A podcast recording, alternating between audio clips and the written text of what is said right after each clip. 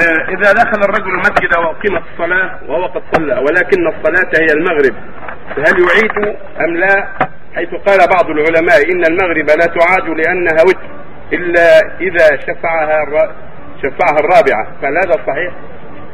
هذا نعم قاله بعض أهل العلم إن الوتر المغرب لا تعاد وترا ولكن تعاد شفعا ولكن الصحيح أنها تعاد كما هي وإن هذا قول لا وجه له النبي عليه الصلاة والسلام لما حذر من الامراء واخر صلاه عن أوقاتها قال لأبي ذر ولغيره صل صلاه لوقتها فإن أدركتها معهم فصلي فإنها لك نافلة ولا تقل صليت فلا أصلي.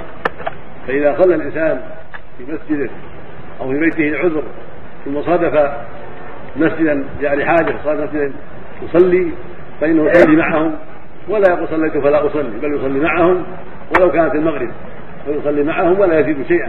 بل يصلي معهم ويسلم معهم. عملا بأمر النبي عليه الصلاة والسلام. ونصلي معهم فإن لك نافلة. ولم يقل إذا كانت المغرب فزد ركعه فصلي معهم. الرسول يعلم أن المغرب إحدى الصلوات الخمس. فلم يقل لمن أدرك الصلاة مع الجماعة. صلي المغرب معهم وزدها ركعة. فلما أطلق دل ذلك على أنه يصلي معهم كما يصلون ولا يزيدها شيئا.